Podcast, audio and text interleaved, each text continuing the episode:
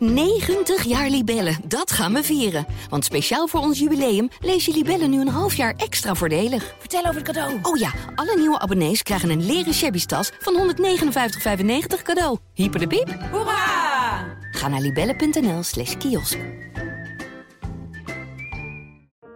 Welkom bij de podcast Wees Moedig, gemaakt door het Parool en het Verzetsmuseum Amsterdam. Mijn naam is Ronald Okhuizen en ik was zes jaar hoofdredacteur van Parool, een oud verzetskrant. En in die rol heb ik geleerd dat het belangrijk is om verzetsverhalen door te vertellen. Deze podcast gaat over de februari-staking in 1941 in Amsterdam.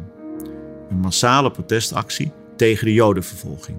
Uniek in Europa. We gaan de verhalen van drie van de stakers volgen. Vandaag maken we kennis met het verhaal en de familie van Willem Kraan, de initiatiefnemer van de staking. Voor we op pad gaan, vertel ik jullie eerst iets over de februari-staking, nu 80 jaar geleden. Nederland is dan bezet door Nazi-Duitsland. Amsterdam, 1941. Op 25 februari leggen tienduizenden mensen hun werk neer om in opstand te komen tegen de Jodenvervolging. De aanleiding is een razzia op het Jonas Daniel Meijerplein, waarbij meer dan 400 Joodse mannen met grof geweld worden afgevoerd.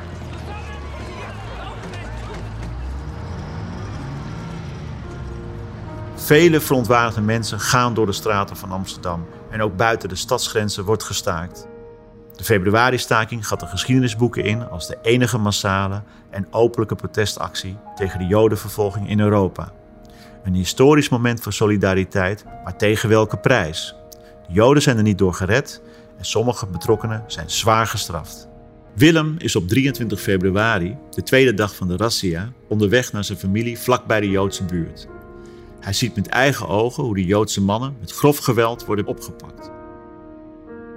In tranen vertelt hij zijn kameraad Piet Nak wat hij heeft gezien. Samen besluiten ze dat het moment is gekomen om in opstand te komen. Ze stappen op de fiets en roepen collega's, vrienden en kennissen op om te staken. S'avonds bezoeken ze de Amsterdamse partijleiding van de Communistische Partij en die neemt het initiatief over. Na een korte vergadering op de Noordermarkt weten alle aanwezigen wat hen de volgende dag te doen staat. Ze brengen de staking op gang en met succes. Het ene na het andere bedrijf sluit de deuren. Opgewonden trekken groepen stakers door de stad. Maar Willem wordt opgepakt. Hij zit eerst gevangen in het Huis van Bewaring in Amsterdam, vlakbij het Leidseplein. In november wordt hij naar de Kriegsweermachtgevangnis in Utrecht gebracht. Hij mag zijn vrouw en dochtertje een brief van één kantje schrijven. Het is hard dat ik niet in jullie midden ben, hoe lang het ook mag duren, hetgeen ik niet geloof. Beloof mij beiden dat jullie niet verdrietig zullen zijn, niet huilen en sterk en gezond zullen blijven. Want Bets en Katrien, jullie Willem is ook zo gezond als een vis en denkt steeds aan jullie. Dat zijn opbeurende woorden, maar in werkelijkheid wordt Willem zwaar gemarteld en mishandeld. Pas in juli 1942 wordt hij samen met een groep verzetsmensen berecht. Willem wordt ter dood veroordeeld.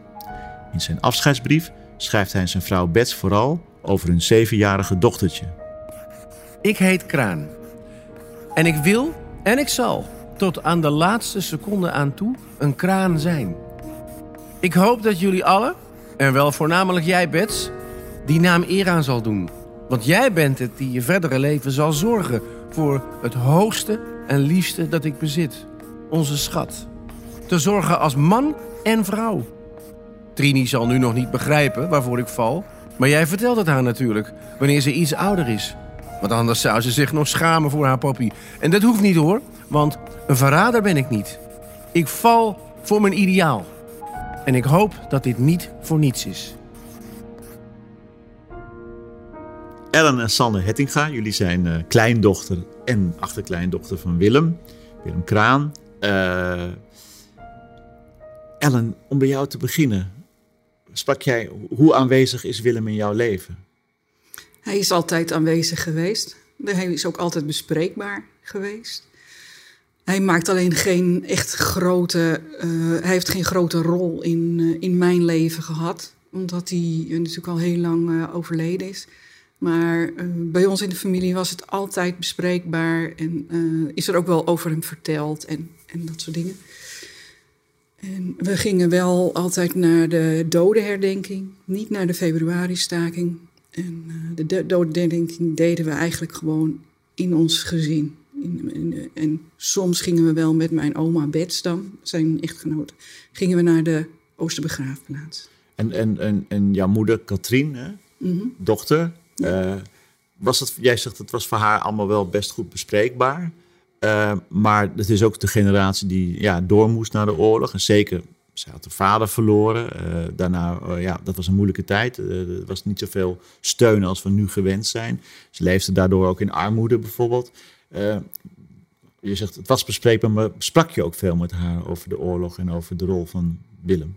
Nee, niet over zijn rol, wel over, over de oorlog zelf. Hè. Dus uh, dat ze honger gehad hebben, dat ze bepaalde dingen uh, wel mocht zeggen, niet mocht zeggen. Um, ja, ze, ze, had zelf ook heel veel uh, nou, trauma's, dat wil ik dan weer niet zo zeggen. Maar ze had wel bepaalde uh, dingetjes dat ze dus gewoon uh, stompjes kaars bewaarde. dat ze gingen verhuizen, hebben we gewoon kilo's stompjes kaars uit de kasten gehaald. Oh ja, die ze gewoon toch niet kon weggooien? Nee, nee, stel maar. En ook altijd lakens, stapels lakens en beddengoed en alles op voorraad. Voor je weet maar nooit? Ja, voor, voor als, want ze hebben toen in de oorlog uh, zijn ze op de fiets naar uh, de Betuwe geweest. En hebben ze daar lakens en uh, dat soort dingen kunnen inruilen voor eten. Dus dat, dat, dat zijn wel dingen. En zij had ook altijd de, de neiging om van alles twee te kopen. Eentje voor voorraad en eentje voor te gebruiken. Oh ja, dus in die zin was de oorlog heel erg aanwezig eigenlijk. Ja, maar niet, niet zo heel, niet zo... Niet zwaar? Nee, nee, gewoon heel, het was gewoon zo. En ik moet je eerlijk zeggen dat ik mezelf er ook nu op betrap. Dat ik uh, van alles nog twee. Uh, dat, en staat ik bij de, bij de loopband en dan denk ik: oh, van alles weer twee. Oh, dat doe je wel gewoon. Ja. Dat heb je gewoon overgenomen. Ja, en dat gaat gewoon ongemerkt.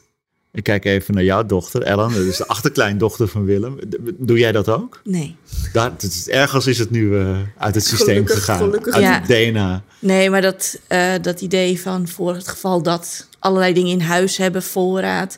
Mijn oma had een kelder en toen ze gingen verhuizen uit een huis, ze wonen ze al heel lang. Toen vonden we nog dingen als vermicelli van 20 jaar oud en zo. Je, je verzint het niet, maar dat, en dat kon eigenlijk niet weg. Dat, Nee. We hebben dat wel weggegooid, maar dat wilden ze niet. te veel armoede en te veel honger gekend Vooral om, honger, om dat, ja. ja. om dat Ja. weg te doen. Ja. En hoe is het voor jou? Want jij bent dan de achterkleindochter van Willem. eh, weer een generatie verder. Eh, jouw moeder zegt, het was er gewoon wel, de oorlog. Het was niet per se allemaal zwaar of ingewikkeld. Hè? Eh, wanneer werd het voor jou, werd jij ervan bewust dat jouw overgrootvader eigenlijk een hele grote rol heeft gespeeld in het verzet en eh, dat hij het moeten bekopen met de dood in 1942? Pas op de middelbare school. Dat is, oh, dat, dat is best laat, toch? Ja, wat niet betekent dat ik zijn verhaal niet kende, maar de, de, de impact en de schaal ervan heb ik pas op de middelbare school meegekregen. Omdat eh, al vanaf eh, dat we op de lagere school de Tweede Wereldoorlog behandelden, was ik gewoon heel nieuwsgierig. Ik ben heel nieuwsgierig. Was ik nieuwsgierig naar eh, hoe mijn oma dat had ervaren en mijn opa. En mijn oma vertelde heel veel, heel veel verhalen, ook over haar vader en, en allerlei andere dingen die zij deden en meemaakten en, en dat soort dingen.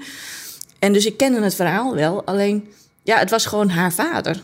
Dus in mijn verhaal, in mijn hoofd is het altijd, ook altijd gewoon Willem Kraan, Ja. de vader van mijn oma geweest.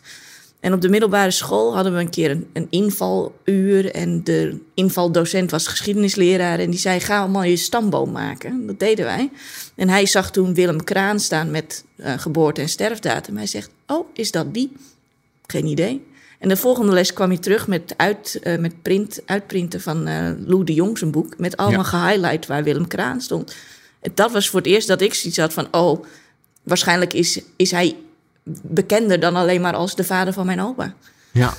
Want je had dat verband, of dat verband niet zelf nog gelegd. Ja, je bent dan ook 12 jaar natuurlijk, Ja. dus nog best wel jong. Maar toch, eh, het was niet dus blijkbaar in de familie zo'n groot verhaal... dat jij gewoon wist van, eh, het is een held, zeg maar. Zoals veel mensen er natuurlijk tegenaan kijken. Ja, nee, ab- nee dat, absoluut niet. We gingen wel elk jaar eh, met dodenherdenking dus naar de... Hij ligt begraven op de Oosterbegraafplaats. Dus dan gingen we daar naartoe. En eh, dan liepen we altijd of voor of achter de stoet aan. Vooruit of erachteraan. Want mijn oma hield er niet van om daarin mee te lopen. En we gingen dan altijd van tevoren wildbloemen plukken. Die legden we dan neer. En uh, ja, maar dat was gewoon omdat haar vader was overleden. Precies. dus dat had voor mij gewoon geen grotere connotatie dan. Nee, het was een persoonlijke reden om daar Iemand te zijn. waarvan ze enorm veel hield, heeft iets heel naars meegemaakt. Ja. En, en, en, en was dat voor jou ook om die reden, die Oosterbegraafplaats, om het klein te houden en, en, en eh, om, om er niet, ja. niet te veel bombardie van te maken? Nee, maar het, het, het, zij, zij, mijn moeder zag dus eh, het niet als een, een held of, of een, iets. Nee, het was gewoon haar vader. En die vader, die zo, toen ze acht jaar was, is die gewoon uh, uit haar leven getrokken. Want uh, dat, dat heeft ze mij wel verteld. Dat ze op een gegeven moment s ochtends thuis kwam en toen zag ze zijn jas hangen. En toen was hij al weg. En toen had ze zoiets van, oh, hij is weer thuis. Maar op een of andere manier was die jas aan de kapstok. En dat zijn, dat zijn haar herinneringen. En die hebben wij, ja, die heb ik ook zo meegekregen. Het was gewoon haar vader. Dus uh, ja, mijn, mijn opa. En want, er zijn ook van Willem natuurlijk briefjes bewaard gebleven. Die zijn meegesmokkeld uit de gevangenis. Ja. En hebben, speelde die nog een rol in jullie? Nee. Nee, ik heb ze niet gezien. En ik ze zijn weet, op een gegeven moment vergaan, hè, Ja, en ik. ik weet wel dat ze uit de verhalen van mijn, mijn oma, Betstan, en van mijn moeder, dat, dat die briefjes er waren. En dat daardoor de communicatie in het, op het Gartmanplantsoen dan uh, op gang gehouden werd. En, uh, maar ja, weet je, het maakte niet zoveel deel uit van ons leven. Het was gewoon zo. Ja. Mijn oma bewaarde wel op zolder een uh, map met, uh, vol met krantenknipsels en uh, zijn brieven, zijn, zijn formeel toegestane brieven en allerlei andere documenten, ook over de Yad Vashem die Bets heeft ontva in ontvangst ja. heeft mogen nemen. En um, als je ernaar vroeg, dan kwam dat naar beneden. En, uh, maar bijvoorbeeld ook de mensen in onze familie die hebben dat eigenlijk nooit echt gezien. Niet omdat het niet mocht, maar je vroeg er niet naar, dus dan kwam het ook niet naar beneden. Dus het werd wel gekoesterd, maar het werd niet als heel bijzonder uh, nee. Nee, ervaren. Het, het, was wel emotioneel, want um, nou ja, de brieven zijn in een ouderwetser Nederlands en in een ander handschrift dan ik gewend was geschreven. En ik kon dat als jong iemand niet lezen. Dat, was, dat kon ik niet goed ontcijferen. En toen zei ik, kan je het voorlezen? Toen zei ze, ik heb de brief nooit gelezen. Oh, echt waar? En dat heeft ze tot ja. de dood niet gedaan.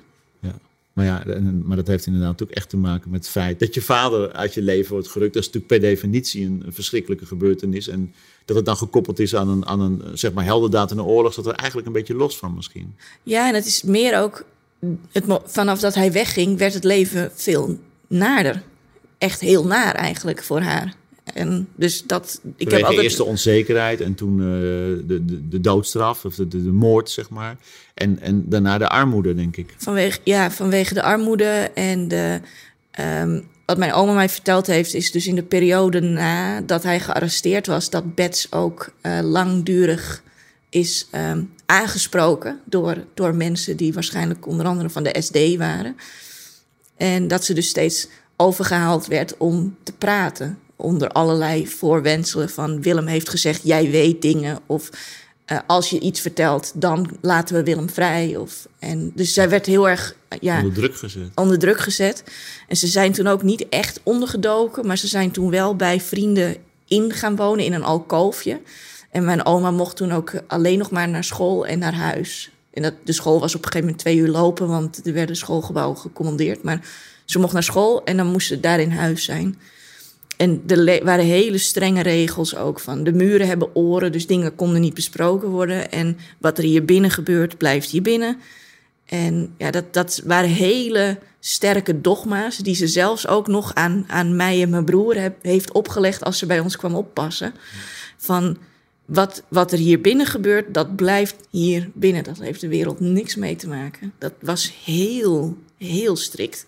En als dat voor jou uh, dus al uh, zeg maar onderdeel van je leven is geworden, dan moet het voor jouw moeder natuurlijk ja. Ja, dat was heel... nog dominanter zijn geweest. Ja, mijn moeder heeft zichzelf opgevoed. Uh, mijn, mijn, mijn oma, de Betstan, die heeft altijd moeten werken en heeft ook altijd gewerkt. Dus ze had allerlei baantjes, schoonmaakbaantjes.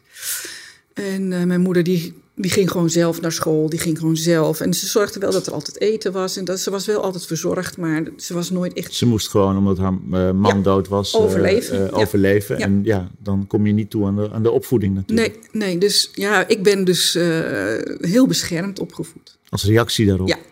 Ja, dus dat is, dat is echt. ja, dat is, je je ziet het eigenlijk door de golfbewegingen heen. Want ik heb geprobeerd mijn kinderen dus weer wat, wat, wat losser te laten. En dat is gewoon zoiets van: ja, maar weet je, wat ik zo beschermd en zo als soort kloek eh, meegemaakt heb. Ja, dat, dat gun ik mijn kinderen niet. Dat wil ik niet. Dat, ik wil dat ze. In deze maatschappij heb je daar niks aan. Je moet gewoon voor jezelf kunnen opkomen. In deze Want jouw moeder, die dus eh, ja, het, het kind was van een vrouw die, die moest overleven en Ja. die moest zien door te gaan. Die, die, jij zegt, die, die, die heeft dat ter compensatie mij heel erg eh, Ja. gekoesterd en geknuffeld, bij wijze van spreken. Nee, knuffelen niet. Niet maar knuffelen? Wel, nee, maar dat deden ze in die tijd niet zo. Hè? Dat was ook, was die generatie niet. was niet van Nee, knuffelen. Nee, nee, nee, nee, nee, nee, nee. Maar, maar wel heel erg verzorgend ja, geweest. nou ja, heel verzorgend en beschermend ook. Weet je wel, als er wat was, dan, dan dook ze erin. Maar heb je dat ook als benauwend ervaren? Ja.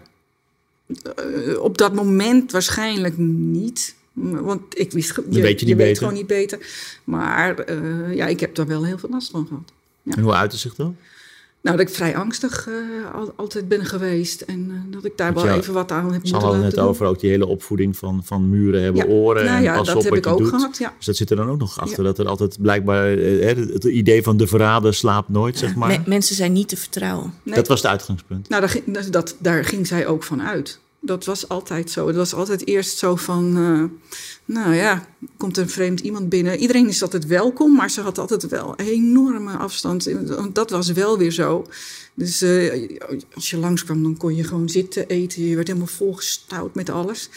Maar eh, tot zover. En dan, dan houdt het op. Dus toen mijn, mijn man dus, bij ons in huis kwam, dan had je echt zoiets van, jeetje. Hmm. En zei ik, wat vind je ervan? Ja, ze zei, nou ja, het gaat geloof ik wel. Maar vanuit de oorlog meegenomen was dus een diep gevoel van, van wantrouwen. Ja. Van angst. Ja. eh, dingen dubbel kopen omdat het altijd weer kan uitbreken. En, en, en, en dat tegenover het compenseren door je, je, je kinderen dus heel erg eh, te koesteren. En, eh, en, en jij zegt, daar heb ik, daar heb ik last van gehad. En daar heb ik ook, daar moest je voor een therapie? Of wat heb je daar, hoe ben je, dat van, ben je vanaf ik heb- gekomen? ja, ik ben daar wel. Ik heb daar wel wat hulp bij nodig eh, gehad. En hoe heet het? Ja, ik heb nu wel zoiets van: oké, nu, nu kan ik dat wel weer achter me laten. Maar Waar ben je toen achter gekomen? Dat het, dat het eh, be- beknellend is geweest? Ja. Dat het een compensatiegedrag ja, is geweest? Ja, ook. En dat ik, dat, dat ik niet overal eh, als een soort eh, dolle tegenin hoef te gaan. Dat is om, om je angst te beschermen, ga je gewoon enorm eh, overcompenseren. En dan ga je gewoon alvast in aanval. En dat heb ik geleerd om die aanval een beetje terug te laten. En dat het, om het gewoon maar te laten. En dan blijkt het gewoon ook oké te zijn. Maar ja, dat, dat, dat heb ik wel moeten leren. Maar is het, is het ook toch nog vanuit het idee van... er- kan er zomaar iets gebeuren in de wereld... dat je, weer, dat je ook dat je jezelf moet redden? Ja. Zoals eh, Ja. dat natuurlijk Overleven. geldt eh, voor, voor, misschien- voor, voor jouw oma... en ook voor, jou, eh, voor jouw moeder natuurlijk... die als kind dan eigenlijk ook alleen ervoor stond... omdat haar moeder moest ja, rond zien te komen. Ja. Dus, eh, de- de- dus in die zin zit dat misschien ook in jouw opvoeding. Ja, zeker. Heel, heel sterk. Heel sterk. Dus eh, ja, en Het idee dat je gewoon zelf heel capabel en mondig moet zijn. Omdat je nooit kan, zeker kan weten dat je kan terugvallen op mensen. Dat, vooral dat zat er heel erg in. Dat is Bij toch wel nog. een zekere ballast, hè? Het is wel eens ingewikkeld geweest, ja. dus is understatement. Nee, het is gewoon heel, heel ingewikkeld is het gewoon geweest. Ja, weet je, je, je doet gewoon je best. En eh, je, je hebt gewoon een pakketje op je rug hangen... waar je gewoon mee, zelf mee moet dealen. En je, dat zeg ik ook altijd tegen die kinderen. Van, eh, ik heb geen, eh, geen bijsluiter gekregen toen jullie geboren waren. Ik doe gewoon echt mijn best. En ja, dat is Met het. vallen en opstaan. Ja, en, maar volgens mij doet iedereen liefde. dat. En, ja, met, wel met liefde. Ja. En, en, maar volgens mij doet iedereen dat. Zeker, alleen... In, in mijn beleving doet iedereen dat. Dat is ook zo. En ook met vallen en opstaan. Maar niet iedereen heeft natuurlijk zo'n bijzondere familiegeschiedenis. Nee, Dus dat is dan toch een verschil. maar in, in principe heb ik zelf niet het idee, maar dat nu wel, maar toen had ik dat niet, dat dat daarmee te maken had.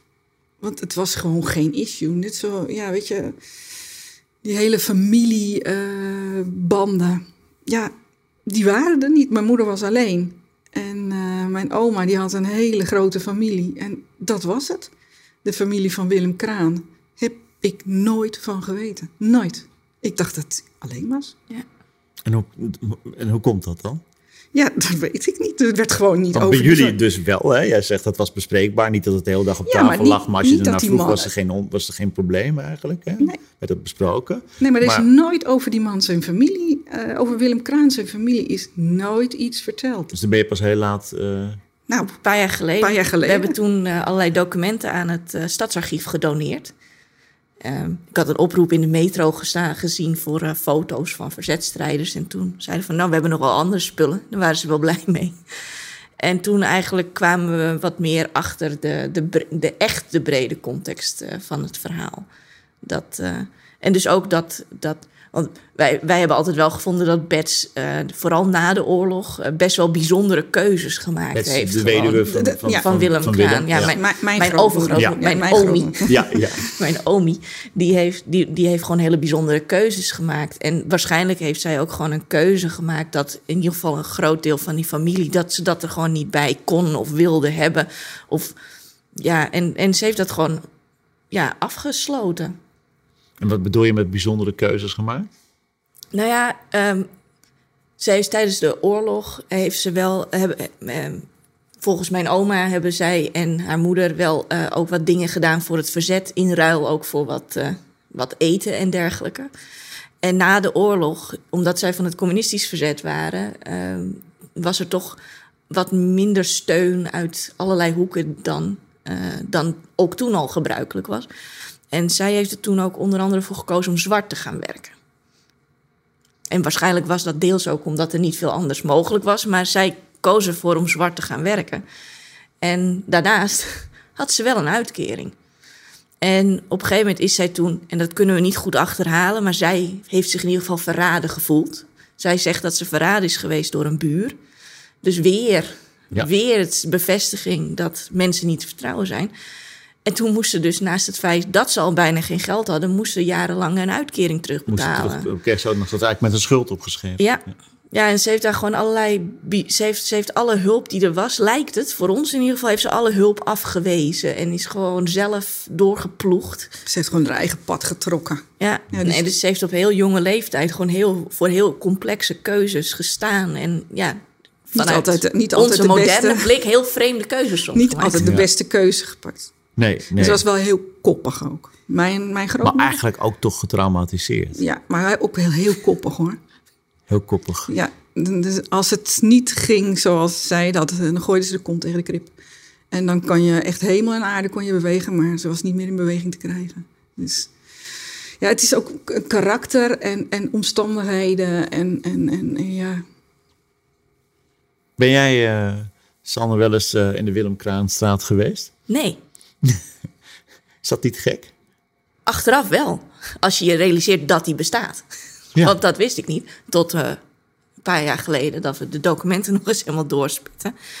Nee, ehm, en het is extra vreemd omdat eh, vroeger ging ik wel regelmatig met mijn oma naar de markt op plein 4045. En nu weet ik dat dat daar om de hoek is. Ja. Nee, dus, dus zij heeft nooit de behoefte gehad om aan mij Dus te was vertellen eh, dat dat op er de was. markt in Amsterdam op eh, plein 4045. En jouw oma zei ook niet van... eh, om de hoek is, eh, Nee, is de Willem Kraanstraat. nee, Nee. Wonderlijk eigenlijk. ja. Ja, ja Ellen, heb jij daar een verklaring voor? Het maakt Je- geen- Ben jij ook niet... Ik ben er wel geweest. Ben er wel eens geweest, neem En ik aan. Ja. Aan de foto's die, die er zijn, weet ik dat, eh, dat weet ik nog wel. Mijn broer en ik zouden dat beeld onthullen. ja, En mijn moeder... de antifascist voor Willem Kraan. Ja, en eh, hoe heet het, mijn moeder, kloek als hij was, eh, had zoiets van... nou, ze vond ons net even te klein daarvoor, dus toen eh, heeft zij het gedaan. Dat is wat ik... Ja, weet je, ik kan het alleen maar uit overlevering. Dus. En, en aan de foto's eh, te zien staan wij, dus mijn broer en ik en mijn moeder en mijn vader staan daar dus wel bij. Dus en ik, ik kom er nog wel eens langs, maar ik, ik heb er niks mee. Echt niet. En dat was destijds ook volgens mij in de familie wel teleurstelling. Omdat het beeld, er is natuurlijk gekozen voor een eh, anoniem, hè, de, Mhm. de antifascist voor Willem Kraan. En niet voor Willem Kraan zelf. Wellicht had dat destijds te maken met sentimenten tegen communisten. Nee, Weet je daar iets van? nee helemaal niks. Of ook, Nee, niet over die teleurstelling die er was? Helemaal niet. Want het was niet, ja, het is niet een beeld van hem, maar meer een, een symbolisch beeld. Nee, er werd, het was gewoon. Het was er gewoon. Ja, het is gewoon zo. En eh, ja, we hebben dat onthuld. En eh, nou, hij we staat daar. En Dus daar heb net je als- geen herinnering aan, dat weet je door die foto's. Ja. En net zoals met de dokwerker, die staat er. Nou, mooi. Het is, eh, zullen we daar eens heen gaan? Nou, nee, het is veel te koud. Weet je wel. En uh, nou, zo, zo, zo ging dat gewoon. Net zo goed als met de Oosterbegraafplaats. Nee hoor, we gaan niet in die stoet lopen. Al die mensen die lopen met hun borst vooruit. Nou, laten we ons maar lekker achterin lopen. Zo, zo waren ze. En zo... Ben jij ook? Ja, doe maar gewoon. Dan doe je al gek genoeg. En dan had ik zoiets van, nou, weet je, neem het maar. Ik neem mijn, eh, mijn moment wel. En dat is achterin. Vond ik, ja. Gewoon En persoonlijk en klein. ja en, dan zie, en dan zie je gewoon eh, veel meer als dat je voorin loopt. Je ziet gewoon veel meer mensen lopen en je ziet mensen, je ziet heel veel verscheidenheid aan mensen. En, Maar dan ben je meer aan het beschouwen dan dat je dus onderdeel bent of Ja. actief bent. ja, ik ben er niet actief mee bezig. Nou, we zijn, we- je bent wel actief aan het herdenken. Je bent veel meer met, je, met de familie bezig eigenlijk. En zeker in de... We gingen dan s'avonds ook altijd naar een monument. Maar altijd naar een klein monument in onze woonplaats... of vlakbij het huis van mijn opa en oma. En ehm, daar deden we ook gewoon op de achtergrond mee met, met het herdenken. Alleen toen ze op een gegeven moment ouder werd en langzaam wat dement... toen was er een moment dat eh, na de stilte mag iedereen een bloem leggen bij het monument. En toen in ene, en dat had ze nog nooit gedaan, liep ze als eerste naar voren. Achter de burgemeester aan in, in dat dorp waar we dan waren. En, en mensen probeerden er echt. En toen heb ik wel gezegd van. Zij is, de zij is de dochter van een groter verzetsmens dan alle mensen die hier nu zijn. Dus volgens mij moeten we er nu maar gewoon even laten gaan. En dat gebeurde toen ook heel netjes. En als je, Sander, voor jou als eh, achterkleindochter van iemand waarvan je later toch heel erg bewust bent geworden dat, dat, dat die zo'n grote rol in de oorlog heeft gespeeld in de, als initiatiefnemer van de februari-staking. En dat met de dood heeft moeten bekopen. Eh, en dat het ook zo'n invloed heeft op, op, op de levens die erna komen, op het leven van, van, van, van jouw oma, van jouw moeder en nu eigenlijk ook toch wel van jou, dat je bent opgevoed met het idee, je moet toch zorgen, vooral voor jezelf kunnen zorgen, voor, je weet maar nooit wat er gebeurt. Heb jij nu behoefte om, misschien sterker dan andere mensen, om zeg maar, het verhaal van de oorlog door te vertellen? Of op een, een of andere manier ook iets te betekenen in die zin? Wel het verhaal van de oorlog, ja. Dus gewoon bewustwording houden van dit, dit kan gebeuren. En wat er gebeurde is, is verschrikkelijk. En daar moeten we altijd op alert blijven dat dat, eh, dat, dat niet, eh, niet, niet weer zo makkelijk gebeurt. Lopen we niet weer met dezelfde vaart in dezelfde valkuilen?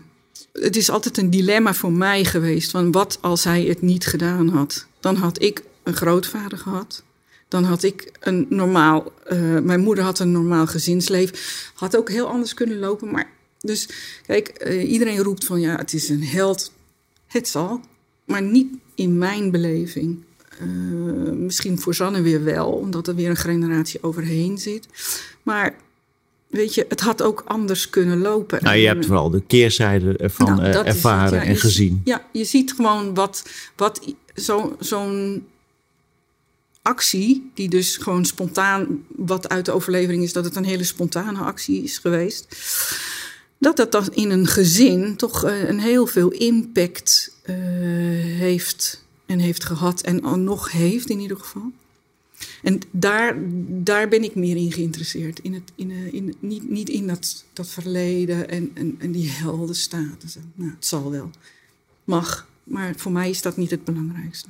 Meer van wat betekent het nu? En wat betekent het nou ja, nu nu, moeder ja. te zijn? Ja, en vooral ook van, weet je, als je dus in zo'n situatie in, in bepaalde landen zitten, mensen gewoon in dezelfde situatie van, moet dat dan weer, moeten zij dit ook meemaken? Wat er toen, of eh, door de generaties heen, bij ons dus meegemaakt is. En dat zal, ieder doet het op zijn eigen manier. Maar dat is wel iets wat bij mij heel erg, dat is ook een van de redenen waarom ik hier aan meegewerkt heb. Ja. En Snap jij de twijfel die je moeder net uitsprak? Van ja, als je het zeg maar puur als, eh, als, als eh, kleindochter eh, eh, jou- eh, jouw moeder bekijkt, dat zij die vraag kan stellen van ja, was dat de moeite waard? Uh, die hebben wij onszelf heel vaak gesteld. En ik heb hem ook aan mijn oma zelf gesteld. En die kon daar best boos over worden. Want dat, dat was niet bespreekbaar. Dat was, tuurlijk was het het waard. Hij heeft gestaan voor zijn idealen. Dat stond ook letterlijk in de brief. Ja, in de afscheidsbrief. Ja, en hij, hij heeft iets, iets heel moois gedaan. En natuurlijk was dat het waard. Voor haar was daar geen twijfel over dat dat zo was. Maar omdat wij er natuurlijk net een klein stapje verder af stonden, is dat een, een wat urgent, nou niet urgentere, maar relevantere vraag wordt dat op een gegeven moment. Heb jij Ellen daar uiteindelijk antwoord op voor jezelf? Was het de moeite waard? Nee. Nee, en ik denk dat ik het ook niet wil weten. Het is gewoon zoals het is. Het, het is gelopen zoals het is. En zo sta ik er echt in. En um, ik doe gewoon wat ik denk wat ik daarmee moet doen. En dat is gewoon het in het heden houden. Dankjewel voor dit mooie gesprek. En jij bedankt voor het luisteren naar de podcast Weesmoedig. Meer weten? Bezoek de tentoonstelling Weesmoedig in het Verzetsmuseum Amsterdam. Nog te zien tot in de zomer van 2021. Kijk voor meer informatie op verzetsmuseum.org.